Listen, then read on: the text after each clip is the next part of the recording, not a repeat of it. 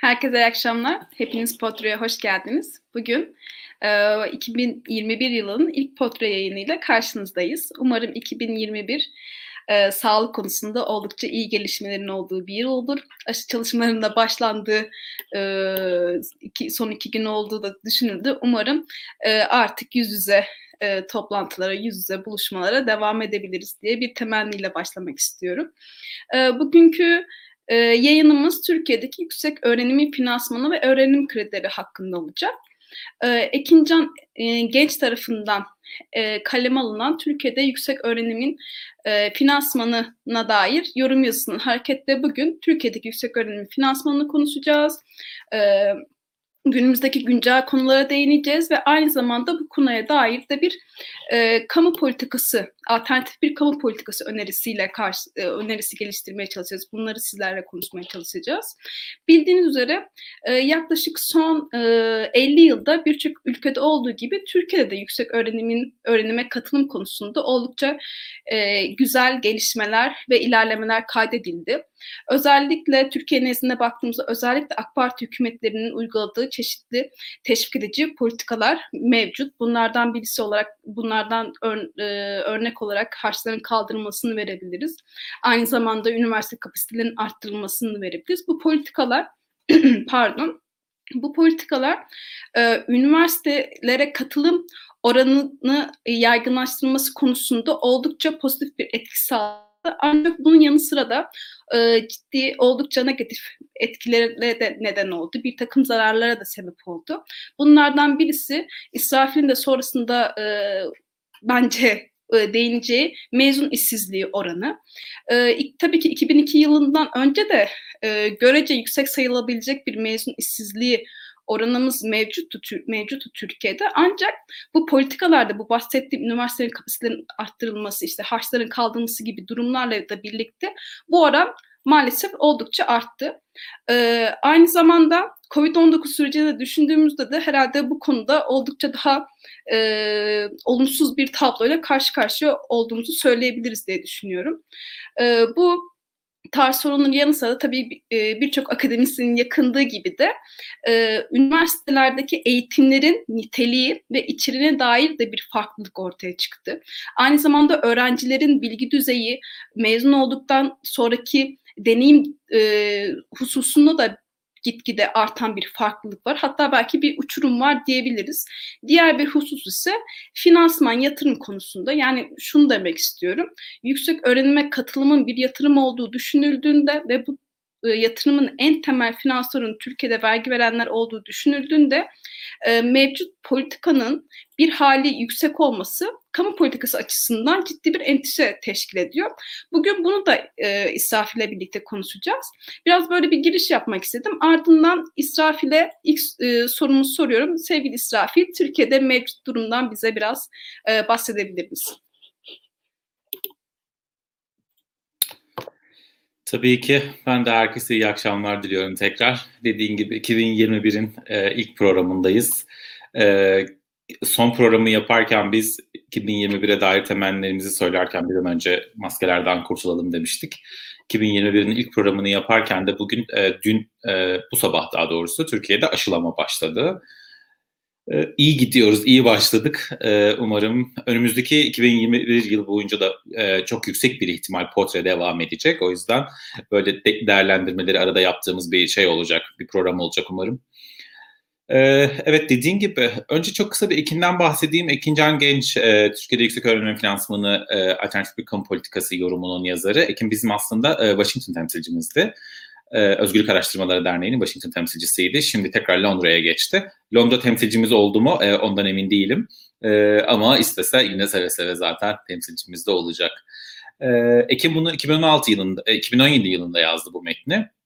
Bir takım verilerin güncellenmesi gerekiyor ama şu an zaten her şeyin daha iyiye gittiği ve Türkiye'nin çok apayrı bir yönde ilerlediği bir durumda olsaydık 3 e, yıllık bir dokümanı yeniden gözden geçirmek zorunda kalırdık ama E, şu an tam ter, şu an tam tersi her şeyin daha kötüye gittiği, e, sistemde Ekin'in tespit ettiği sorunların daha da derinleştirdiği, derinleştiği, kamu politikasının 2017 yılında işte kamu politikası perspektifinden yüksek öğrenim finansmanında gördüğümüz sorunların daha da derinleştiği ve bahsettiğimiz sorunların ve bunun finansman finansal yükünün daha da arttığını görüyoruz e, ve Ekin'in önerdiği yöntem e, işte bunu birazdan konuşacağız. Ekin'in önerdiği yöntemin yine hala Türkiye için belki de en mantıklı, e, en karlı e, finansman yöntemlerinden biri olduğu söylenebilir. Böyle bir e, genel bir girişle başladıktan sonra ee, senin dediğin gibi aslında sen şey dedin işte AK Parti döneminde bir tık iyi gelişmeler oldu dedik ama e, üniversiteye katılımda aslında ünivers- iyiden kastımız burada şu demek e, demokratikleşti. E, daha çok insana açıldı üniversiteye katılım. Normalde işte e, üniversite sayısı şu an e, mevcut sayısında değilken çok daha az bir insan üniversite mezunu olabiliyordu. E, bunun çeşitli sebepleri var. Tabii ki en başta gelen sebep bir kontenjan başarı sıralaması ve tabii ki de finansal faktörler vardı. Şimdi bunlar ortadan kalktı. AK Parti, AK Parti e, hükümetleri bunları büyük oranda ortadan kaldırdı. 81 ile 81 üniversite vaadi vardı. Her üniversiteye, her ile zaten bir devlet üniversitesi şu an açıldı diye biliyorum. E, Türkiye'de şu an toplam üniversite sayısı 200'ü aştı özel üniversitelerle beraber. E, böyle olunca gerçekten Ekin'in dediği gibi aslında bu e, Ekin bunu bazen söylüyor. Evet diyor e, iyi oldu diyor ama çok da iyi oldu demek demekten e, uzak duruyor. Onun yerine demokratikleşti diyor. Daha çok kitlelere açıldı diyor. Evet kitlelere açılar daha fazla insan üniversite mezunu olabiliyor. E, bu ne demek? E, bu aslında iyi bir şey. Evet. E, ama Üniversiteyi ilkokuldan ve ilk öğretimden ayıran ciddi bir şey var. O da şudur, üniversite size akademik bir eğitim verir. Ee, üniversitenin verdiği eğitimin çok önemli bir kısmı kişinin kendisine bir e, fark sağlar, bir e, fayda sağlar. E, ilk öğretim ya da orta öğretim gibi değildir üniversite. Yani işte ilk ve orta öğretimde genel olarak e, biz kişinin kendisine, eğitimin kişinin kendisine sağladığı faydalar kadar topluma sağladığı faydaları da gözeterek e, ilk ve orta öğretimde finansmanı daha çok devlet tarafından, kamu tarafından karşılanmasını sağlarız. Diğer bir deyişle bedava olsun deriz ve öyledir de.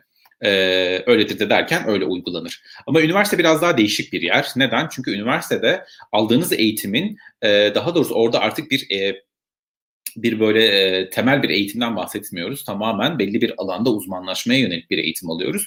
Ve bunun aslında yine topluma faydaları tabii ki var. Zaten hali hazırda bir takım e, üniversitenin finansman yöntemlerini tartışıyor olmamızın sebebi zaten e, zaten yine aslında aynı konu. Ama topluma olan fayda biraz daha azalırken e, kişinin uzmanlaşmasını sağlayarak kişinin, öğrencinin kendisine getirdiği fayda artmaya başlıyor.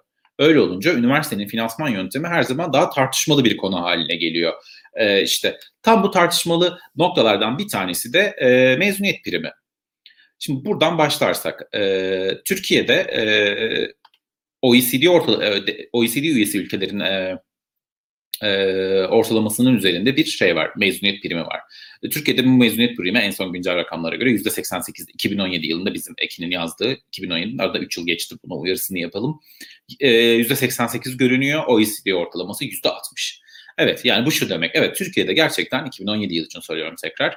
E, mezunsanız, e, üniversite mezunuysanız eğer mezun priminiz %88 daha fazla diye mezun, üniversite mezunu olmayan insanlardan. Bu ne demek? E, bu şu demek. E, siz sizinle aynı yaşta farklı bir işi yapan mezun oldunuz. O lise mezunu, siz üniversite mezununuz. Siz ondan %88 daha fazla para kazanıyorsunuz da ortalama olarak. Böyle bir şey var. Bunun adı mezuniyet primi. E, mezuniyet primi e, Türkiye özelinde e, erkeklerde ortalama %88'di 2017 yılında. E, kadınlarda ise e, genel ortalama kadınlarda daha da yüksek. Çünkü üniversite mezunu olan kadınlarla üniversite mezunu olmayan kadınlar arasında e, erkeklerle kadınlar arasında e, görülen bir fark var. Kadınların Türkiye'de en azından kadınların çok önemli bir kısmı çalışmıyordu bir zamanlar. E, dolayısıyla kadınlarda mezuniyet primi yüzde e, 111'lere kadar çıkabiliyor. Ki bu sadece ortalaması öyle varsa dedim. Ee, AK Parti'nin gelişiyle beraber işte AK Parti dedi ki e, artık biz dedi bu şeyi değiştireceğiz. Ee, üniversitede çok az insan gidiyor. İşte toplumun ciddi anlamda toplumun belirli bir kesimleri sadece üniversiteye gidiyor. Bunları dedi değiştireceğiz. E, bunun yerine dedi e, herkese açacağız. Daha fazla insan üniversite mezunu olacak. Daha fazla üniversite insan mezunu olacak. Toplumumuz daha eğitimli olacak. Daha eğitimli işte belli bir alanda uzmanlaşmış işte öğrencilerimizin, vatandaşlarımızın sayısının artmasıyla beraber daha müreffeh bir ülke olacağımız iddiasıyla AK Parti e, bu kampanyayı başlattı ve şu an Türkiye'nin her yerinde e, işte 200'ü aşkın üniversite var. Bu genel olarak Türkiye'de bir yüksek öğrenimin genel bir durumundan bahsediyorum. Bir de şimdi şeye başlarsak, peki e, AK Parti'nin gelişiyle beraber ya da ondan önce Türkiye'de yüksek yüksek öğrenimin finansmanına bakarsak, Türkiye'de yüksek öğrenimin finansmanı e, iki şekilde oluyor. E, e, bir kısmı işte yoksul olduğu, yoksul ailelerden geldiğini belgeleyebilen öğrencilere e, burs veriliyor devlet tarafından ve onlardan alınan ders başı, ders maliyeti, ücreti olan harçların e, yoksul ailelerden gelen çocuklardan alınmıyordu. E, Diğer tarafta ise ekonomik durumu daha iyi olan, daha doğrusu iyi olan öğrencilerdense e, derslerin yani e, maliyeti işte fakültenin kendi maliyetleri hesaplanarak ders başı bir maliyet çıkarılıyor. Bu maliyetin adı harç. E, ders başı bir harç alınıyordu. E, bir de e, bunun karşılığında da e, karşılığında demeyeceğim. Bunun yanında da harç alınıyordu ama yine de e, burs alabilecek kadar e, durumu kötü olmayan öğrencilere ise kredi teklif ediliyor devlet tarafından. E, kredileri alan öğrenciler de e, mezun olduktan sonra bu şeyleri e, bu bu e, krediyi belli bir e, faiz oranıyla geri ödemesi e, geri geri ödüyorlar. E, burada tek şey bahsetmemiz gereken şey Türkiye'de burs alan öğrencilerin yani eğitimi tamamıyla kamu tarafından karşılanan öğrencilerin oranı ciddi bir oranı ciddi bir oranı var. Bu şu demek e, zaten verilen krediler devlet tarafından verilen kredi de aslında eğitimin masraflarının tamamını e, karşılamıyor. Devlet bunu kredilerin üzerinde yine öğrencilere bir takım e, haklar tanımak zorunda kalıyor ve işte ayrıcalıklar yapıyor. Ne, daha doğrusu sübvanse ediyor eğitimi ne gibi? Kredi de alsanız, burs da alsanız mesela üniversite yemekhanesinde sizin için yemek işte 1 lira 25 kuruştu. E, hatta 1 liraydı benim öğrenciliğimde. E, dolayısıyla bu aslında o yemek 1 liralık bir yemek değil. E, dolayısıyla bunların hepsi sübvanse ediliyor devlet tarafından. Böyle bir şeyimiz var. E, e, final. Daha sonra öğrenci mezun olduktan sonra aradan belli bir süre geçiyor. Türkiye'de bu süre iki yıldı. E, hala öyle mi bilmiyorum. E, iki yılda iki yıl sonunda artık e, belli bir oranda taksitlendirme yapılarak krediler ödeniyor. Türkiye'de genel olarak e, üniversite eğitiminin, yüksek öğrenimin finansmanı, öğrencilerin alış şekilleri ve işte mezuniyet primindeki sayılar ve oranlar bunlar. Buradan devam edelim. Teşekkürler İsrafil. Dediğin gibi yani aslında bu diğer ülkelerde de böyle yani e, Türkiye'de yüksek öğrenim maliyeti kısmen veya tamamen kamu finansmanlarıyla karşılanıyor. E, aslında böylelikle eğitim alan kişi eğitim maliyeti yükünü toplumun geneliyle paylaşıyor bir yandan da. E, bu harçların kaldırılması e, durumundan da bahsettin. Aslında bununla beraber diğer bir deyişle öğrencinin yüksek öğretim maliyeti tamamen devlet tarafından süspans ediyor. Bunun tabii ki ben biraz çok ufak bahsettim de avantajları ve dezavantajları da var. Bunlar nelerdir? E, tabii. Bunun, bunun şeyi şu, e, yani avantajından başlayalım. Avantajı şu, e, gelir durumu iyi olmayan, yoksul ailelerden gelen çocuklar e, devlet tarafından sübvanse edilen eğitim sayesinde ve onlara üzerine bir de üzerine verilen burslar sayesinde e, e, yüksek öğrenimde e, okuma hakkı, eğitim hakkı kazanıyorlar ve oralara gidiyorlar ve karşılığında işte çok yani Türkiye ortalaması gösteriyor ki bu zamana kadar en azından e, görece eğer üniversiteye gitmeseydi sahip olacağından daha iyi bir meslek sahibi oluyor ve e, kişisel olarak zenginleşiyor. Yani zenginleşiyor derken durumu daha da iyileşiyor. Böyle bir durum var. Ee, bu aslında görünen avantaj iyi tarafı buydu. Yani her aile yani yoksul zengin ailelerden gelen, ekonomik durumu iyi ailelerden, kötü ailelerden gelen çocukların ikisinin de e, eğitime ulaşma şansı var. E, bu, bu aslında devlet tarafından finanse edilen yüksek öğrenim bunu bunu bunu mümkün kılıyor. Ama e, görünmeyen tarafı şu, görünmeyen tarafı şu. Devlet e, bir e, yoksul aileden gelen bir öğrencinin e, masraflarını karşılıyor, üzerine burs veriyor ve e, 4 yıl 5 yıllık eğitim aldıktan sonra bu arkadaş mezun oluyor. Mezun olduktan sonra ise çok yüksek bir ihtimal işte mezun primi dediğimiz şey bu işte maaşı ya da geliri %88 oranında kendi yaşıtı olup üniversite mezunu olmayandan daha yüksek olacak. Yani mezun primi yüksek. Bu, bunu, bu, bu da şunu sağlayacak. Bu arkadaş artık e, yoksul bir kesimden gelirken artık görece toplumun zengin bir kesimine tabi olacak Bu zenginliğini neye borçlu? Devlet tarafından finanse edilen e, bütün masrafları karşılayan eğitimine. Peki devlet tarafından finanse edilen ne demek? Bu da şu demek, toplumun diğer kesimlerinden e, alınan vergilerle e, eğitim sübvanse ediliyor ve kişi mezun primi alarak buradan mezun oluyor ve artık daha iyi bir hayat yaşıyor. E, bu şu demek, zaten hali hazırda yoksul kesimde olup kopmadım değil mi? Koptum mu acaba? Bir endişelendim. Tamam. Ee, bu şu demek. Sesin geliyor. Tamam süper. Süper. Ee, bu şu demek oldu. Bu şu demek olacak zaten mezun olamayan ve vergisini veren birisi zaten daha az kazanıyor. Kendi kendi azıcık gelirinin bir kısmını da zaten vergi olarak veriyor ve birilerinin eğitimi finanse ediliyor bununla beraber ve kendisinin hiçbir zaman kazanamayacağını bir başkasının kazanmasını sağlıyor. Yani mevcut kendi yani yoksulun ekonomik durumu kötüleşirken e, bir başkasının e, gelir durumu e, gelir durumu mezun primi sayesinde iyileşiyor. Burada sorun bu. Yani burada e, yoksuldan alınan bir e, gelirin e, zenginleşen birine veriyoruz. Yani burada aslında altta gizli bir sosyal adalet krizi yatıyor. Zaten e, genel olarak bu tartışmanın çıkması sebebi de bu. Üniversite mezunu değilim. Zaten daha az para kazanıyorum. Bir de üzerine e, benden alınan vergilerle işte bu öğrenci üniversite öğrenim okuyor, e, iyi bir meslek sahibi oluyor ve benim hiçbir zaman kazanamayacağım bir parayı kazanıyor. Benden %88 oranında daha fazla para kazanıyor.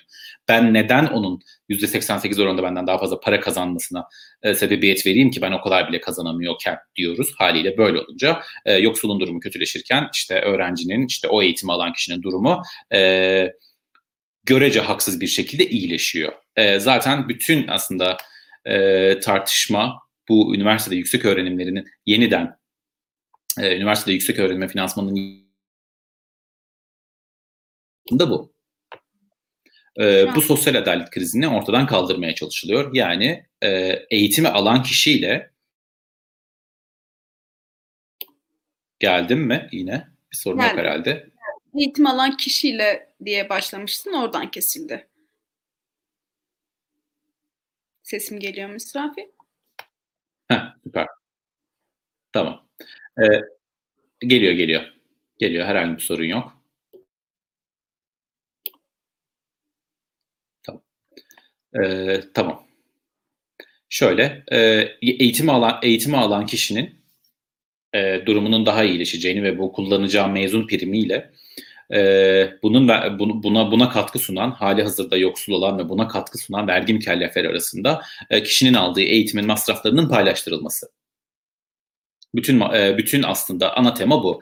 Bu masrafları yani yüksek öğrenimin masrafını e, yüksek öğrenimi alan kişiyle e, almayan kişi ya da daha önce almış kişiler ya da hiç almayacak kişiler arasında nasıl paylaştırırız? Bütün e, sorun bu. Bizim de işte bu bunu nasıl paylaştırıldığımıza ilişkin kendimize bir perspektifimiz var.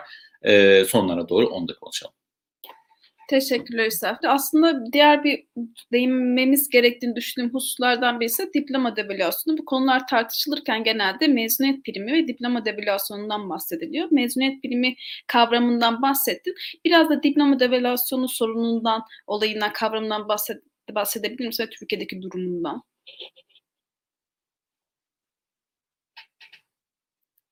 Acaba, heh, duydun Tabii. değil mi? Tabii tabii yani sesin geliyor şu an sorun yok. Ee, şöyle diploma devalüasyonu aslında az önce söylediğimiz e, söylediğimiz şeyin e, zararların yani yan etkilerinden bir tanesi zararlı sonuçlarından bir tanesi. O da şu e, diploma devalüasyonu şöyle bunlara e, iktisatta şey deniyor pozisyonel mallar. Yani sahip bunu bu, bu mala sahip olduğunuz zaman sahip olmayanlara göre daha fazla e, gelir elde ediyorsunuz ya da daha avantajlı durumda oluyorsunuz demek. Yani e, işte bu para sahibi olmak gibi değil. E, bu pozisyonel mesela diploma sahibi olmanın size getirdiği bir ayrıcalık gibi düşünün. E, çünkü bazı işlere diplomasızlar o işe giremeyecekken siz o işe girebileceksiniz. Neden? Çünkü o pozisyonel mala sahipsiniz.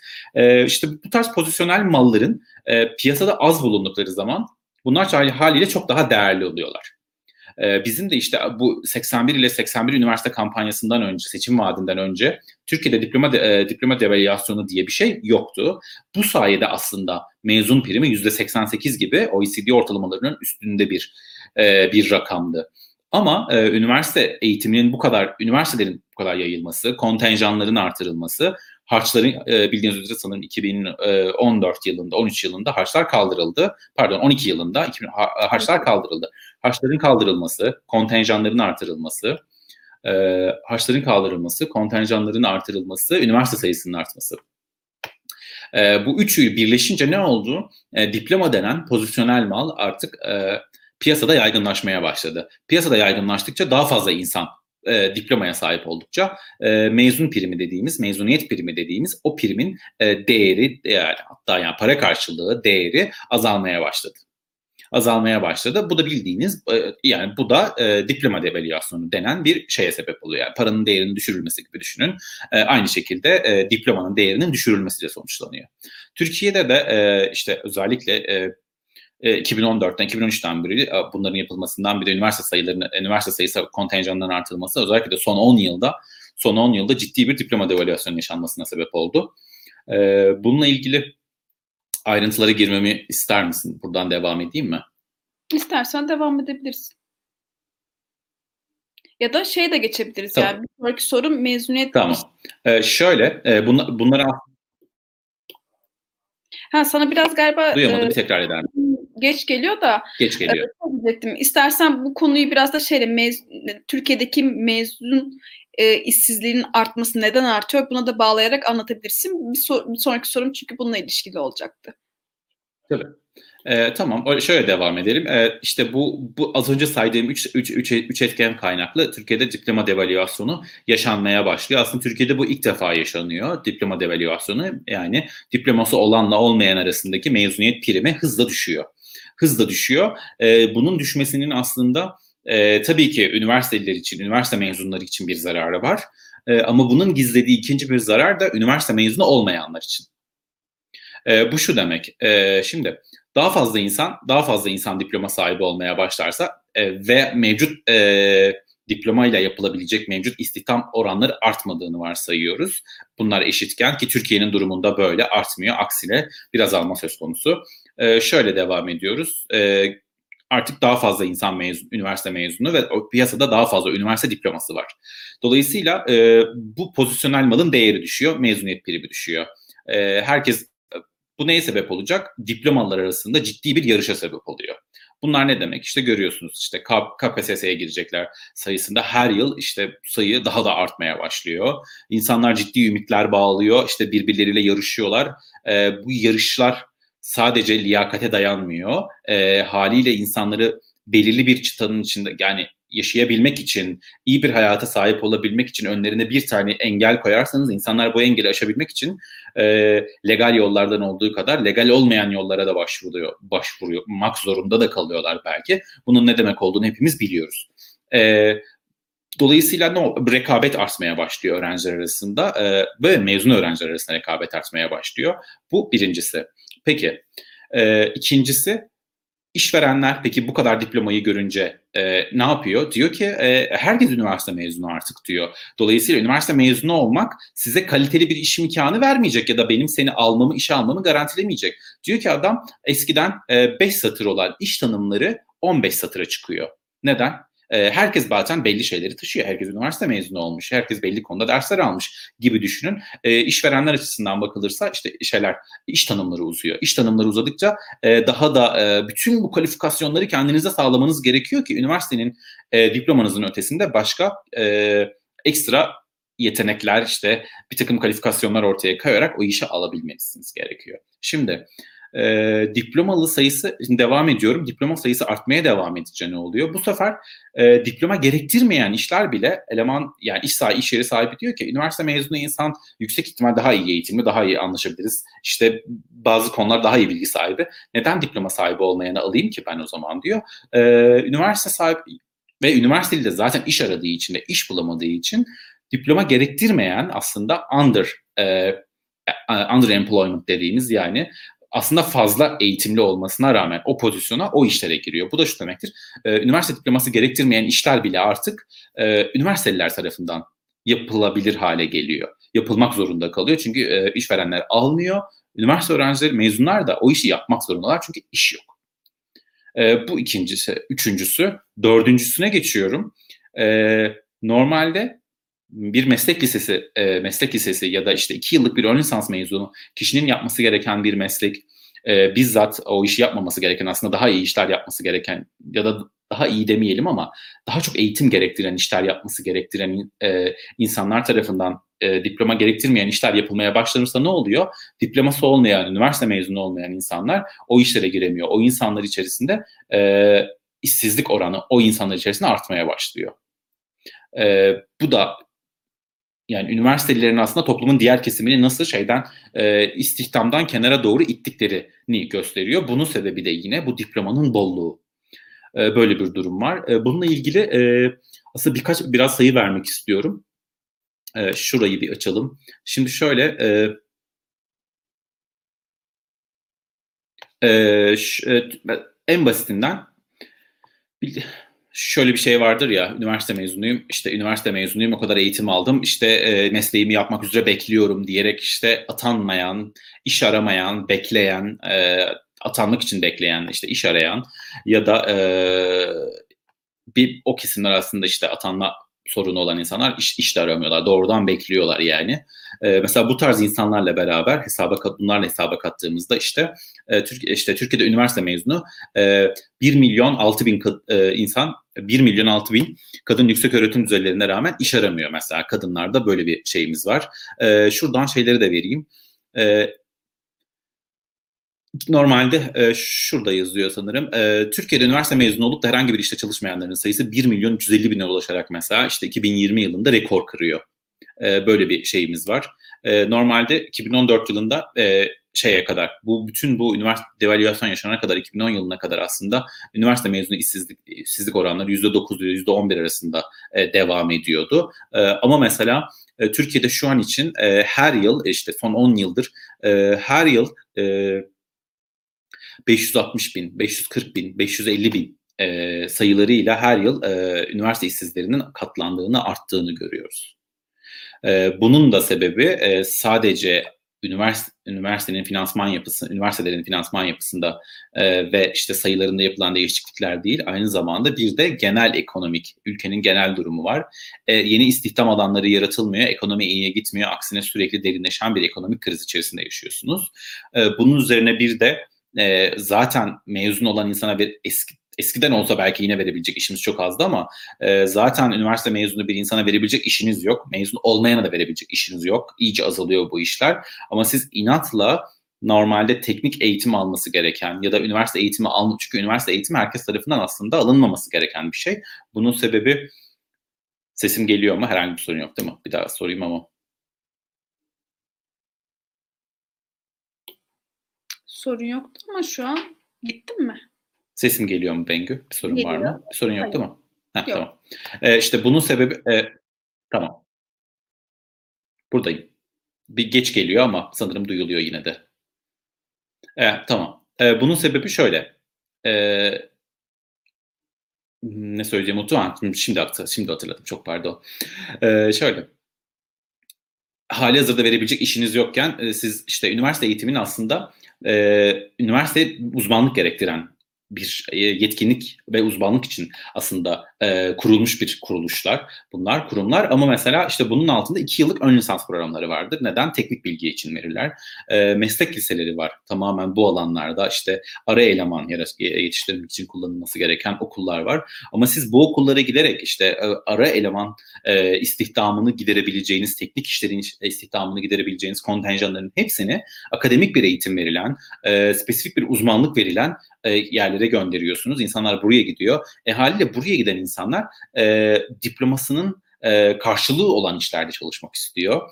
E, buna uygun bir hayat sürmek istiyor. Dolayısıyla ben e, işte kimya mühendisliğinden mezun olduğum zaman, makine mühendisliğinden mezun olduğum zaman ya da siyaset biliminden mezun olduğum zaman, kamu yönetiminden e, ilgili bir alana gitmek istiyorum. İşimle ilgili bir alan yapmak istiyorum. Aynı şekilde mesela en net bir şekilde görüyoruz öğretmenler için. Sosyal bilgiler öğretmenliğim, öğretmeniysem, tarih, coğrafya öğretmeniysem bunu yapmak istiyorum. İnsanlar e, diplomalarının karşılığı olan işi almakta direnince ne oluyor? O işi beklerken başka iş yapmayan, başka iş aramayan, üniversite mezunu olsa da e, ve işsizlik sayılarına dahil edilmeyen, işsiz olduğu halde iş aramayan bir kesim hızla büyüyor Türkiye'de. ve işte TÜİK verilerinde de e, genelde oynanan üzerinde oynanan kısım bu oluyor. E, iş aramayan e, çalış bir işte çalışmayan ama iş aramayan kesimler işsizler arasında sayılmıyor. Çünkü TÜİ'nin iş aramak için belli bir takım kriterleri var. Onları yapan insanlar iş aramış oluyor. Ee, ama insanlar diplomasının karşılığını almak istiyorlar. Dolayısıyla siz diplomanın karşılığını ki ülkede artık diplomanın karşılığı çocukken e, işte üniversite mezunu olup öğretmen olmuş insanın yaşadığı hayatını görürken o insanın mezuniyet primiyle benim mezuniyet primim aramızda 20 sene olduğunu varsayarsak benim mezuniyet primim aynı değil. Ama e, gördüğüm o olduğu için onu öğrenmek için, ona sahip olmak için çalıştığım için şimdi mezuniyet primine aynı şeyi bekliyorum. Ama o zamanlar işte çok daha yüksek olan mezuniyet primi şimdi çok çok daha iniyor. Bu bir, e, bu ara kısımda yani iş istihdama katılmak istemeyen, zamanı geldiği zaman kendi diplomasının karşılığını yapmak isteyen bir iş aramayan e, ümitsizler ya da bekleyenler kitlesi var Türkiye'de. Bu sayı hızla büyüyor üniversite öğren üniversite mezunları arasında. Bir diğeri de e, bir diğeri de e, ümidini kesmek zorundasınız bir noktada. Çünkü hayatınızı idame ettirmek zorundasınız. Haliyle daha sık gördüğümüz bir şey daha oluyor. E, üniversite mezunları işte adam e, Türkçe öğretmeni olmuş, işte meslek sahibi olmuş ama mesela geçen gün Twitter'da dolanıyordu mesela bununla ilgili bir e, gerçek mi değil mi ama güzel bir karikatürizasyon olmuş. E, işte bir kadın e, pazarda bir işte sepete elma koy, şey poşete elma koyuyor ve işte bir kilo alacağım diyor ve elma bir kilo çıkıyor. Tamam işte o çok güzel falan diyor. Kadın diyor ki o mühendisim ben çünkü oradan yaptım falan. İşe ihtiyacınız şey iş, çalış, iş çalışana ihtiyacınız var mı diyor. Ben mühendisim ben yapabilirim diyor. E, tezgahın diğer tarafında elmayı satan adam da diyor ki o iyi gel gel ben de mühendisim zaten diyor. Ben de diyor makine mühendisiyim diyor. Oradan diğer taraftan bir başka biri bağırıyor işte. Ondan sonra gel hepiniz gelin iyi oldu burası ya diyor sendikalaşırız belki bir şeyler yaparız ben de diyor işte su ürünleri mühendisi gibiyim bir şeyim falan diyor böyle. Burada onu görüyoruz insanlar günün sonunda ee, ama pazarcılık yapması gereken belki o işi yapabilecek insanlar işte üniversite mezunu olmayan insanlar artık o işi yapamıyor çünkü oraya gelmiş bir başka biri yerleşmiş oluyor. Diğerleri başka bir tarafa gitmek zorunda kalacak ya da o taraftaki işsizlik büyüyecek gibi bir tarafta e, bir şeyimiz var. Türkiye'de yaşanan mevcut e, sorun, işsizlik e, ve üniversite işsizliği aslında böyle bir tablo. Teşekkürler İsrafil. Aslında bu konuda bir yandan da belli bir müddet sonra kanıksamaya başlıyoruz ya. Dediğin örnek gerçek olmasa dahi aslında güncel hayatımızda karşılaşabileceğimiz bir e, örnek. Mesela ben de hatırlıyorum burada bir tane markete gittiğimde e, manav reyonunda çalışan bir görevliyle konuştuğumda kendisi iki tane üniversite mezunuymuş. Ama manav reyonunda çalışıyor çünkü atanamamış, öğretmenmiş. Önce bir tanesini denemiş, alanını şimdi hatırlamıyorum. Birisi tarihti galiba. Sonrasında sosyal bilgiler öğretmenliği okumuş. Onu da denemiş ama atanamamış. Atanamadığı için de burada mecburen çalışmaya başlamış. Bu iş onu tatmin etmiyor. Bir yandan da noktası da var yani yaptığın iş seni tatmin etmiyor ama sadece para kazanabilmek ya da belli bir askeri de kendi hayatını idame ettirmek için yapıyorsun. Bu da hem senin işten e, zevk almanı, tatmin olmanı hem tatmin olmanı hem de e, o işe verdiğin enerji ya da şeyi çabanı etkiliyor. Ve bir müddet sonra da artık bunun örnekler çok sık karşılaştığımız için de kanıksıyoruz. Artık eskisi gibi şaşırmıyoruz. Aslında şaşırmamız ve bu konuyla ilgili bir şeyler de yapmamız lazım. Çünkü e, bu arayı da doldurmamız lazım. Dediğin gibi herkes üniversite mezunu olursa o aradaki kısmı da ne olacak? Dediğin gibi ya üniversitede işte o mezuniyet primi, işte diploma devalüasyonu artacak. O kısımda bir boşluk oluşacak. O boşluğu bir türlü dolduramayacağız. Bu da aslında iş gücü anlamında oldukça Türkiye'ye zarar verici bir pozisyonda. Ee, Diğer bir soruma geçiyorum. Hani bunun sorunlardan bahsettik, konuştuk. Peki e, Ekin Can Genç'in yazdığı, kaleme aldığı yazıda önerdiği alternatif kamu politikası önerisi nedir? E, ismi e, Bordo kesintisi tipi İngiliz öğrenim kredisi modeli. E, bu modelin içeriği nedir? Hani e, nelerden bahsediyor?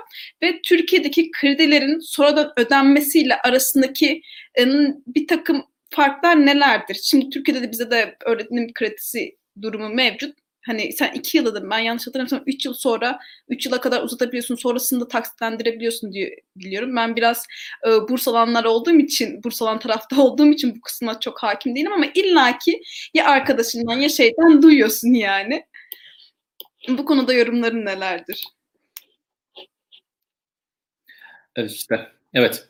Ee, aslında bu konuda zaten dünyada en çok çalışma yapan, bu konunun üzerine giden e, ve işte yüksek öğrenim sonuçta uzmanlık getiren ve bireye normal bir yani alt kademe eğitimlerinden daha fazla e, kazanç sağlayan, kalifikasyon sağlayan bir eğitimin eğitimi alan öğrenciyle e, bu eğitimi vergileriyle sübvanse edecek vergi mükellefleri arasındaki dengeyi nasıl sağlayabilir sorusu aslında İngiltere'de bayağı e, senelerdir süren süre giden bir e, bir tartışma ve İngiltere e, sanırım e, işte raporda da yazıyor sanırım dördüncü ya da beşinci sistemi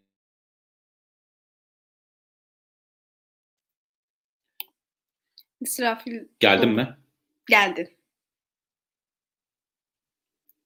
Kısa bir ama... kopuş yaşadım ben ama geldim galiba. Evet daha görüntün gelmedi ama sesin geldi. Tamam sesim geliyorsa sorun yok oradan devam edebilirim. Sen sesim gelmezse beni uyar. Ee, şöyle devam edeceğim. Ee, bunu İngiltere bunu, bu sistemleri en çok araştıranlardan bir tanesi. Ee, işte yenisini dediler ki e, 2005 yılında hayata geçirdikleri bir sistem var. E, bu sistem şöyle çalışıyor. Dediler ki tamam evet dediğimiz gibi üniversite kişinin kendisine daha fazla katkı sağlayan, toplumun topluma sağladığından daha fazla kendisine katkı sağlar. O yüzden yapacağımız en iyi şey e, bir kısmını daha doğrusu büyükçe bir kısmını bu işte %55 %60 gibi düşünün öğrenciye yükleyeceğiz. Yüzde işte %45'lik işte e, %40'lık kısmını da diyeceğiz e, toplumun ver yani vergi mükelleflerinin üzerine yükleyeceğiz bu yükü dediler. Ve buna uygun bir sistem geliştirdiler. Bu şöyle öğrenci üniversiteye gidiyor Üniversitede ihtiyacı varsa e, gidiyor, bursunu alıyor. E, işte öğrenim kredisi şirketi, bir kamu şirketi var. E, bu e, öğrenciye gereken bursu veriyor, yani krediyi veriyor daha doğrusu. Öğrencilik hayatınız boyunca sonuçta şunu kabul ediyoruz bu arada, e, bir öğrenci ortalama bir vatandaştan daha yoksuldur. Dolayısıyla siz yoksul birinin e, ciddi, yani ciddi bir para harcanması gereken bir iş yapmasını bekliyorsanız, toplum olarak bekliyorsanız, e, çünkü size de faydası olacak nihayetinde, o, iş, o kişiye kat, e, destek vermek zorundasınız. İşte tam olarak bu, bu mantıktan yola çıkarak e, diyorlar ki öğrencisinin ortalama bir vatandaştan daha yoksulsun. Biz sana diyorlar kredi vereceğiz. Sen bu krediyle e, harçlarını ödüyorsun, eğitim masraflarını ödüyorsun, işte bütün her şeyini karşılıyorsun ve mezun oluyorsun. Mezun olduktan sonra da diyorlar ki e, İngiltere sisteminin güzel tarafı bu. Mezun olduktan sonra da diyor ki e, sana diyor ben yıllık bir kazanç limiti koyacağım diyor. E, sen diyor bu kazanç limitine ulaştığın zaman diyor senin bodromdan işte yüzde on e, rakamı hatırlamıyorum e, senin bodromdan belli bir kesinti yapacağım. Ve bu kesintiler senin sadece bodromdan kesilecek ve günün sonunda ödediğin zaman işte 5 yıl 10 yıl sonra ne zamansa kesintiler bitecek. Sen de böylece aldığın eğitimin karşılığını vergi mükelleflerine tekrar maddi olarak ödemiş olacaksın e, tamamını ödemiyorsun. Çünkü aynı zamanda e, uzmanlık gerektiren bir alanda uzmanlaşmış, e, entelektüel bir insan olarak topluma katkı verdiğin için hepsini ödemiyorsun, belli bir kısmını ödüyorsun. E, şimdi bu sistem neden beğeniliyor ve neden aslında biz Türkiye için böyle bir sistem istiyoruz? E, iki kötü örnek vereceğim e, bu şeye karşılık. E, İngiltere'nin bu iyi örneğine karşılık. Birincisi ABD örneği. E, Şöyle söyleyeyim, ABD'de toplam kredi kartı e, borcu toplam öğrenim kredisi borcundan daha azmış. Böyle bir gerçek var yani. Düşünün ülkenin ne kadar borçlu olabileceğini öğrencilerin. E, neden Amerika'da böyle bir şey? Çünkü üniversite üniversite öğrencisi evet. üniversiteden mezun olur olmaz Amerika'da e, aldığı öğrenim kredisini ödemesi bekleniyor. Bekleyeceğim. Şu an sanırım okey. Evet. Tamam. Tamam şöyle. Ee, Amerika'nın kötü sistemini örnek veriyordum. Ee, Amerika öğrenim kredilerinin açısından bir yani öğrenim kredisi borçlar açısından bir cehennem yani. Ee, dediğim gibi kredi kartı borçlu toplam kredi kartı borçundan daha yüksek bir öğrenim kredisi borcu var. Çünkü neden böyle? Öğrencilerden mezun olur olmaz, mezun olur olmaz geri ödemeleri bekleniyor. Dolayısıyla mezun olur olmaz e, herkesin işte aradığı işi bulabilmesi ya da bulduğu işte o borcu ödeyebilecek kadar hemen para kazanması mümkün değil. E, tecrübe farkı, işte tecrübe farkı artıyor, kıdem artıyor. Bunlar zamanla e, zaman gerektiren şeyler. Bunlar geldikçe insanlar daha fazla para kazanıyor genelde. E, hale durumları daha da iyileşiyor. Ama mezuniyetinin hemen başında zaten çok düşük bir paraya işte tecrübesiz olduğu için de bir anlamda e, iş bulduklarını varsayalım düşük bir paraya buluyorlar. Ama buldukları parayla da hemen borçlarını ödemeleri gerekiyor. Öyle olunca bu borcu ödeyebiliyorlar mı? Ödemiyorlar. Ne, ne oluyor? Bu iş faize dönüyor haliyle böyle bir sistem var. E, ikinci bir e, Amerika kadar kötü olmasa da ona benzer kötülükte bir sistem daha söylüyorum. Türkiye'nin sistemi. Türkiye'de diyor ki ben senin işte öğrenci kredisi veriyor Türkiye'de bildiğiniz gibi bursların yanında. Onu konuşmuyoruz şimdi. Öğrenci kredisini veriyoruz. Bir zaten verilen öğrenci kredisi kişinin bütün masraflarını karşılamasına yetmiyor. Böyle bir şey yok. Kişi halen kredi de alsa üzerine ciddi bir ekstra koyması gerekiyor ki bütün eğitim masraflarını karşılayabilsin diyelim. Zaten hali hazırda bütün eğitim masraflarınızı karşılamanıza yetmiyor bu kredi. Aldınız diyelim. Ee, az önce sen 3 diye düzelttin. 3 yıl sonra şöyle bir şey oluyor. 3 yıl sonra şöyle bir şey oluyor. Diyorlar ki artık e, borcunuz taksitlendirilmiştir. Bu borcu ödeyeceksiniz işte. Zaten e, taksitlendirme yaptığınız zaman bir alt limit var. Dolayısıyla bu alt limit aslında kişiden kişiye değişmiyor. Ya da sizin bodronuzdaki görünen maaşınızın ne kadar olduğuna göre değişmiyor. Dolayısıyla siz e, daha yüksek bir para kazanan kişiyle de daha az para kazanan kişi 3 e, yıl sonra aynı borcu ya da benzer miktardaki borcu ödemek zorunda kalıyorlar. E, bu da onlar açısından sorunlu bir durum var. Çünkü her taksit zaten Türkiye'de artık mezun priminin iyice düştüğünü varsayarsak dahası mezuniyet üniversite işsizliğinin, mezun işsizliğinin arttığını biliyoruz mezun primi düşüyor ama siz e, bunları gözetmek sizin e, 3 yıl sonra farklı durumlarda olan kişilerden aynı miktarlarda ya da benzer miktarlarda taksit ödemesini bekliyorsunuz. Haliyle onlar da ödeyemiyor. Ee, Türkiye'de üçüncü bir e, üçüncü bir sorun daha söyleyeceğim Türkiye'ye yönelik. O da şu. E, öğrenim kredisi alıyor gençler ve bunu alırken belli bir süre sonra ödeyeceklerinin farkında alıyorlar. Belli bir senet imzalanıyor. Ancak Türkiye'de şöyle bir şey oluyor belli periyotlarla bir takım aflar çıkıyor. E, dolayısıyla bu afları gören öğrencilerin bir an önce neden bu parayı ödeyeyim ki ben şimdi alırım bir sonraki aftan faydalanırım bu borçlardan kurtulurum gibi bir durumu var. Bu diğer vergi, vergi borçları için de geçerli. E, bu konuda ne kadar ciddi tartışmalar olduğunu biliyorsunuz. Artık Türkiye'de öyle bir pozisyona geldik ki işte Instagram'da, Twitter'da şurada bunu asla ödemeyeceğim. İşte borcumu neden ödeyeyim ki gibi bir şeye dönüyor. Çünkü e, vergi affı çok sık çıkıyor Türkiye'de. Vergi affı çok sık çıktıkça insanlar ödemeyip onu bekliyorlar. Bu benzer bir talebi, benzer bir beklentiyi öğrenciler üzerinde de yaratıyor. Ee, öğrenci işte o yüzden kampanyada belli aralıklarla şey görüyoruz. İşte e, bütün işte öğrenci KYK borçları e, silinsin gibi talepler görüyoruz. E, şimdi teknik olarak teknik olarak aslında e, siz vergi mükelleflerinden borç almış, uzmanlık gerektiren bir iş, bir meslek, e, uzmanlık gerektiren bir eğitimi e, de, vergi mükelleflerinin parasıyla karşılamış oluyorsunuz. Dolayısıyla belli bir süre sonra bunun en azından belli bir oranda karşılığını geri vermek durumundasınız. E, ama dediğim gibi Türkiye'de zaten mezun primi hızla düşüyor. Çünkü diploma devalüasyonu yaşanıyor. Mezun işsizliği artmaya başlıyor. Ülkenin genel ekonomik durumu zaten e, sürekli işte doların, euronun e, işte değişim işte rekor kırmasıyla beraber e, bir de üzerine bu beklentiler var. Bu da yetmezmiş gibi. Zaten e, sık sık neyi dillendiriyoruz biz? İşte e, dünyada işte kamudan en çok ihale alan e, şirketler listesindeki işte o ilk göz dolduran ilk 4-5 şirketin Türkiye'de olması. E, bu insanların işte bu ya bu tarz işte siyasetin içine işte bu tarz işte yolsuzluk, e, bu tarz e, iddialar büyümeye başladıkça dolayısıyla ve işte oralara harcanan paralarla öğrencilerin kendi burslarını aldıkları, kredi aldıkları miktarlar karşılaştırıldığında e, hep işte bir süredir söylemeye çalıştığım şey şu, politikleşen gençler bunu ödemeyi reddediyorlar. Çünkü kendilerine ödenecek toplam kredi KYK e, borcuyla, e, KYK borcuyla işte o sık sık işte Sayıştay raporlarında gördüğümüz işte e, geçen yayınlanan işte kamudan en çok ihale alan şirketler listesinde yayınlanıyor. İşte Çiğdem Çoker Cumhuriyet Gazetesi'nde işte sık sık yazıyor. Ee, ihalelerdeki rakamları dönen işte bu, bu tarz siyasetin bu karanlık yüzünü bu işte yolsuzluklarla işte e, ve makro projeler dediğimiz projeler harcanan paralar işte oralarda e, beklentilerin üzerinde harcanan paralar, vergi mükelleflerinin üzerinde bindirdiği paralar vesaire bu tarz şeyleri öğrenciler gördükçe kendi borçlarının aslında çok daha küçük bir borç olduğunu, dolayısıyla bunun karşılaştırılamayacak bir şey olduğunu ve işsiz olduklarını, zaten gelir durumlarının kötü olmaları, e, bugün e, bugün mesela e, işte bir avukatı düşünelim, üniversite mezunu,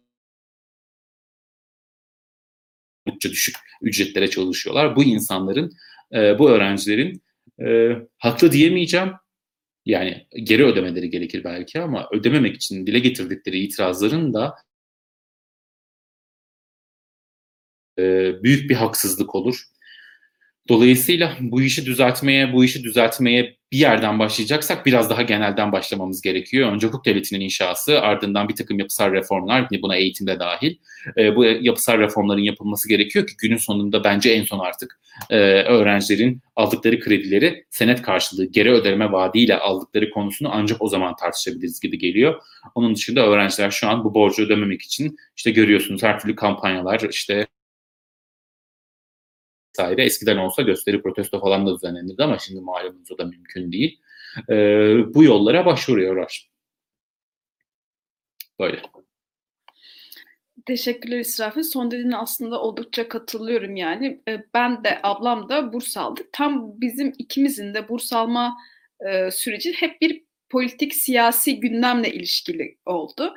E, o nedenle şu andaki gençlerin e, şey e, bu konudaki kampanya e, üretme çalışmalarını aslında oldukça anlıyorum. Çünkü tahmini olarak yani bir ya da bir buçuk yıl içerisinde bir seçim görün ortamı görünüyor. E, böyle olduğu için de bu politik o ortamdan yararlanarak bu tarz kampanyalar başlatılması ya da bu tarz iste e, eylemlerde bulunması, isteklerde bulunması çok da normal. Çünkü Türkiye'de özellikle son senelerde bu şekilde bir e, gelişme yaşandı. Yani politik, siyasi e, taleplerle si- siyasi isteklerle vatandaşın talepleri birleşerek bu tarz bir değişimler yaşandı. Ondan da bu istekler oldukça normal. Ara ara da konuşuluyor. Meclis gündemine taşınıyor. Tabii ki bu bence en azından bir e, çözüm değil. Dediğim gibi bu tarz yeni bir finansman konusunda yeni bir düzene geçilmesi e, şart. Özellikle de dediğim gibi mezuniyet primi ve diploma devalüasyonu konusundaki hususlar oldukça ciddi bir tablo olarak karşımıza geldiğinde bu konuda bir şeyler yapılması yapılması şart olarak gözüküyor. Bir tane sorumuz vardı onu almak istiyorum İsrafil. Ee, iş hayatı... önce çok... Buyur. Pardon. Ben soruyu önce bir şey yapabilir miyim? Bir derleyi toparlayabilir miyim aslında söylediklerim az önce? Ee, şöyle bir şey. Ee, çünkü artık mezuniyet primi hızla düşüyor Türkiye'de. Ee, ve diploma devalüasyonu yaşanıyor Türkiye'de gerçek anlamıyla. Ee, bunu engelleyebilmenin yolu ne olacak? Ee, birinci, birincisi istihdam alanı yaratmak zorundasınız. İstihdam yaratabilmek için yatırım çekmek zorundasınız ya da kendiniz bir yatırım yapmak zorundasınız. Türkiye kendi yatırımlarını yapabilecek durumda olmadığı için yatırım çekmeye çalışacak. E, yatırım çekmenin şartını artık yani dilleri pelesenk oldu yani her yerde ne söylüyoruz? Yatırım çekmek istiyorsanız işte hukuk devletinin, demokrasinin inşası, e, öngörülebilirliği inşa etmeniz gerekiyor ki yabancı yatırımcı Türkiye'ye gelebilsin, istihdam alanları yaratılsın ve bu gençlerin de mezun oldukları zaman yapabilecekleri işler oluşturulabilsin. E, bu genel olarak söyleyebileceğimiz bir şey. E, bunun dışında daha kısa vadede, ya kısa vadede değil, buna nazaran görece kısa vadede yapılacak şey de şu olacak.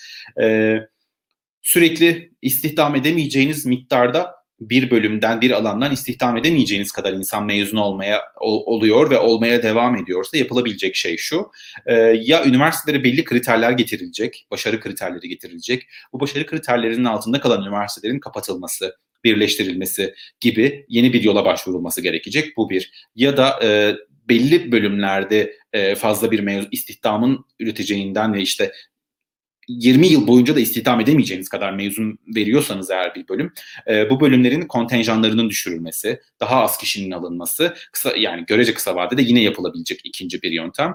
E, üçüncü bir yöntem de e, bu şeyin e, bunu garanti altına almamız gerekiyor. E, vergi mükellefleriyle öğrencinin kendisi arasındaki maliyetlerin dağıtılması işini garanti altına almamız gerekiyor. Bu yüzden de e, bunu yapabilmek için de işte bu tarz seçim ekonomilerine kurban edeceğiniz politikalar, finansman yöntemleri yaparsanız kimse de kendisine düşen payı ödemek istemez.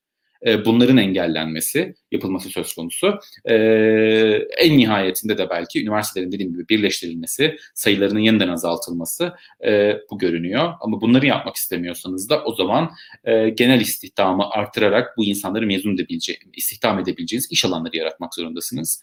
Bunların hiçbirini yapmayıp ekonomiyi düzeltmeyip, ekonomiyi düzeltilebilecek işte hukuki, siyasi reformları yerine getirmeyip, üniversitelerin kendisine başarı şartları koymayıp, aksine üniversitelere açılan kadroların e, yanlışı yandaşı da demeyeceğim ama kendi kadrolarını, kendi seçmenlerini demek daha doğru olacak. E, finanse etmek için kullanırsanız ki zaten görüyorsunuz e, neler neler duyuyoruz üniversite Sayıştay raporları üniversitelerde neleri gösteriyorlar. İşte araştırma paralarıyla düdüklü tencere alan üniversite mi istersiniz? E, aile boyu aile boyu bütün fakülteyi aynı soyadında insanların doldurması mı istersiniz? Sınavdan en düşük puanı alan insanın işte e, diğer bir takım işte e, akademik başarı şartlarının işte sağlayan kişilerden çok daha düşük olan kişinin ne hikmetse mülakatta birinci sırada aday birinci sırada olarak kadro sahibi olmasını istersiniz. Bütün bunlar mevcut sistemin aslında e, hükümetin işte kendi seçmenini, kendi e, konsolide edebileceği seçmeni e, ya da işte doğrudan yandaşlarını aslında e, finanse etmek için üniversiteleri, bu tarz devlet kadrolarını, kamu kurumlarını, kamu kadrolarını ve kamu kaynaklarını kullandığı anlamına geliyor. E, hiçbirini yapmayıp bunu yapıyorsanız işte sizin yaptığınız iş bu oluyor. Bu işin sonucunda nereye gidiyor?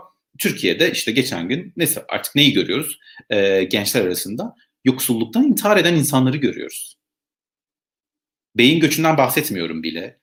Ee, belki beyin göçünde işte Türkiye'de hali, beyin göçüne işte e, işte uluslararası bir kuruluşta ya da bir ülkede iş bulabilecek kapasitedeyseniz Türkiye'de de belki belli bir oranda iş bulabilecek insanlar zaten bunlar. Belki onların e, yoksulluktan intihar etmesi e, çok ol, olası olmayabilir ama yine de diplomasının tam karşılığı değil ki. Yani herkes diplomasının tam karşılığından kastı yüzde yüzünü almak istiyor adam mesela. Neden yüzde 45'ini yetinsin?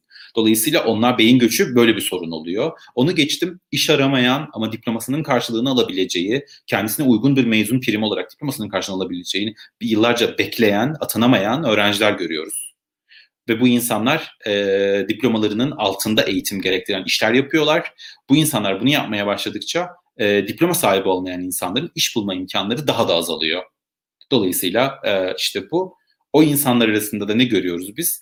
Yoksulluk intiharları diye bir şey görüyoruz. Dolayısıyla eğitimin üniversitenin bu harçların kaldırılması, üniversite sayısının artırılması gibi bir konunun aslında toplumun nasıl böyle iliklerine kadar işlediğini görebiliyoruz. Dolayısıyla bu zinciri, e, bu bağlantıyı iyi kurmak, buna uygun bir şey yap, e, bir reform yapmak gerekiyor. Özgürlük Araştırmaları Derneği'nin de e, yapısal reformlar projesi kapsamında ilerleyen dönemlerdeki e, projemizin yeni hallerinde e, içine katmaya, e, projemize dahil etmek istediğimiz konulardan biri de eğitimde yapısal reform ihtiyacı.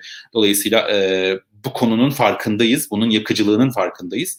Bunu giderebilmek için, bu soruna bir çözüm üretebilmek için de bir takım yol haritaları, alternatif kamu politikaları üreteceğiz diyerek sözlerimi tamamlayayım. Teşekkürler İsrafil. O zaman sorulara geçiyorum. Ee, ilk sorumuz şöyle. İş hayatında sınırlandırılmış fikir alanları ve tanımlanan işin fikirle geliştirilebilecek yollarının tıkanması ve gelişmeyen ekonominin altyapısı da buna bağlı diyebilir miyiz? Ya şimdi şöyle aslında e, tanımlanan iş fikirler, e, işin fikirlerle geliştirebilecek yollarının tıkanması ne anlama geliyor? E, şu, e, kişinin kendisini ortaya koyabileceği, kendisini gerçekleştirebileceği, yaratıcılığını ortaya koyabileceği bir iş alanının meslek tanımlamasının olmaması anlamına geliyor ki devlet kamu kurumları bunun zaten en büyük örnekleri. E, hantal, çalışmayan, e, verimsiz, e, kamu kurumları zaten bunun en büyük örneği. Bütün kamu yönetiminde sık sık tartışılan konulardan bir tanesi budur. Ama işte özel sektör derseniz zaten işte gelişmeye, yeni fikirlere daha açık olan yer özel sektördür. Ama Türkiye'de özel sektörün ya da işte kendi işte tam olarak sorudaki sorulduğu gibi belki kişinin kendi fikirlerini hayata geçirebileceği, yeni bir yeni bir şeyler katabileceği, fark yaratabileceği, fikirlerini uygulayabilecek Türkiye'de e, ekonomi yok ki. Bulabileceği destek yok, destekleyebilecek şirket yok e, ve ya da e, kişinin kendisini bu yönünü açığa çıkarabileceği uygun bir eğitim almamış. Neden? Herkes gibi ben de üniversite mezunu olacağım deyip aslında teknik bir alanda bir çalışma yapması gereken, belki de ya bir takım becerilere sahip olması gereken bir kişi e, üniversite okuyacağı için apayrı bir alandan mezun olup kendini kendini de öldürebilir. Öldürebiliyor da zaten yani öldürebiliyor derken potansiyelini öldürebiliyor. Ee, böyle bir durum söz konusu. E zaten ekonominizin buna uygun, bu kişiye uygun altyapınızın olmadığı, işte bu tarz işte Türkiye'de startup kültürünün olmaması, işte girişimcilik denen fikirlerin 3-5 yıldır konuşuluyor çok sık girişimcilik, startuplar vesaire falan filan ama işte oranı Allah bilir kaç yani. Dolayısıyla dişe değer, dişe dokunur bir şeyden bahsetmek mümkün değil. Ee, haklı yani o yüzden. Teşekkürler. Diğer soruya geçiyorum. İstihdam yoksa var olan üniversitelerde azalma söz konusu olabilir mi? Böyle bir yola başvurulabilir mi? Önce söylediğim işe şimdi ortada bir kamu e, bir kamu harcaması yapılıyor. E, bu şehirlerde kadrolar var, üniversitelerin e, kuruluş masraflarından bahsediyoruz, yapı masraflarından bahsediyoruz en basitinden. Bir üniversite binası kurmak, e, kampüsü kurmak çok pahalı bir iş. Haliyle ilk başvuracağımız şey tabii ki üniversitelerin sayılarını azaltmak olmayacak. Bunun yerine üniversiteleri daha iyi eğitim vermeye e, zorlamamız gerekecek. Belki ilk aşamada yapılacak şey bu olacak. Çünkü belki mezun olanlar bu sayede daha iyi bir eğitimle belki e, farklı alanlara yönelebilirler gibi kişi daha böyle yani bu da aslında üniversitenin görevi değil. Yani kişinin potansiyelini açığa çıkarmak gibi. Ee, üniversitenin görevi bunlar değil. Ama yine de üniversitelerin daha böyle başarı kriterlerine tabi tutularak onları iyi eğitim vermeye zorlamamız gerekiyor. Ee, bu işte bu iyi eğitimi alamayan veremeyen üniversitelerin ise ikinci bir noktada e, kapatılmasından ziyade birleştirilmesi, birleştirilen üniversitelerin de kontenjanlarında azaltılmaya gidilmesi gibi bir yöntemle ilerlememiz gerekecek. E, ama günün nihayetinde tabii ki bu sorun böyle devam ederse bu kadar üniversite mezunu. Dolayısıyla artık e, kişinin üniversite mezunu olması hiçbir anlam ifade etmiyor. Sadece şu anlam ifade ediyor Türkiye'de. E, kamu finansmanı işte devlet tarafından sübvanse edilmiş eğitimde 4 sene boyunca güzel üniversite hayatı yaşarsınız. Çok eğlenceli falan. Bunu yaşadığınız anlamına geliyor. Bunun dışında hiçbir artı değeriniz olmayacak Türkiye'de. E, bunu göğüslemektense, bununla baş başa kalmaktansa e, üniversiteleri de işte eğitimin seviyesini yükseltmeye, kontenjanları düşürmeye, gibi yöntemlere geçmemiz gerekiyor. Harçlar geri gelsin demiyorum. E, zaten sonra ödemeli yani önce eğitimi alıp e, devletin ben finansmanınızı alıp e, eğitiminizi aldıktan sonra iş hayatınıza girdikten sonra e, sonra ödeyebileceğiniz işte İngiltere'deki sisteme benzer bir sistem Türkiye için. Türkiye'nin sistemi buna benziyor. Sadece işte taksitlendirme ve işte belli bir süre sonra taksitlendirmeler Türkiye'de itiraz konusu. Daha doğrusu Türkiye'de bir diğer itirazı işte insanlar bunu ödemek istemiyor ve bir takım gerekçeleri var. Ama işte İngiltere'de bu gerekçeler yok. Dolayısıyla aslında bu sistemi önerirken bu teknik yani gayet bir kamu politikası öneriyoruz ama bu kamu politikasının uygulanabileceği genel siyasi e, ekonomik atmosferin de e, iyileştirilmesi gerekiyor. İyileştirilmesi gerekiyor. Bu bu yapılmadan önereceğimiz e, teknik kamu politikası, kamu politikası tekniği aslında sadece işte küçük bir değişiklik yapabilir. Ama öğrenciler de zaten bu değişikliğe tepki koyuyor çünkü ödemek istemiyorlar. Çünkü az önce konuştuğumuz gibi bunun Türkiye'de onlarca sebebi var. Teşekkürler İsrafil. Ee, sorularımız da bitti. İstersen yayınımız, yayınımızı kapatalım. Bizi izlediğiniz, izlediğiniz için çok teşekkür ederim. Ee, Ekin Can Genç tarafından yazılan bu yorum yazısını sitemizde bulabilirsiniz. Ee, web sitemizden ulaşabilirsiniz. Evet, en yukarıda yorumlarımızda e, link de attım. Oradan da görebilirler. Aynen. Ayrıca aynı zamanda finansman konularına e, ilginiz varsa daha önce İsrafil ile beraber konuşmuştuk. İsrafil'in yazdığı ilk öğretimi finansmana dair bir analizi de vardı. Onu da tekrardan sitemizden bakabilirsiniz. Herkese iyi akşamlar diliyorum. Görüşmek üzere. Sağlıkla kalın. İyi akşamlar. İyi akşamlar. Görüşmek üzere.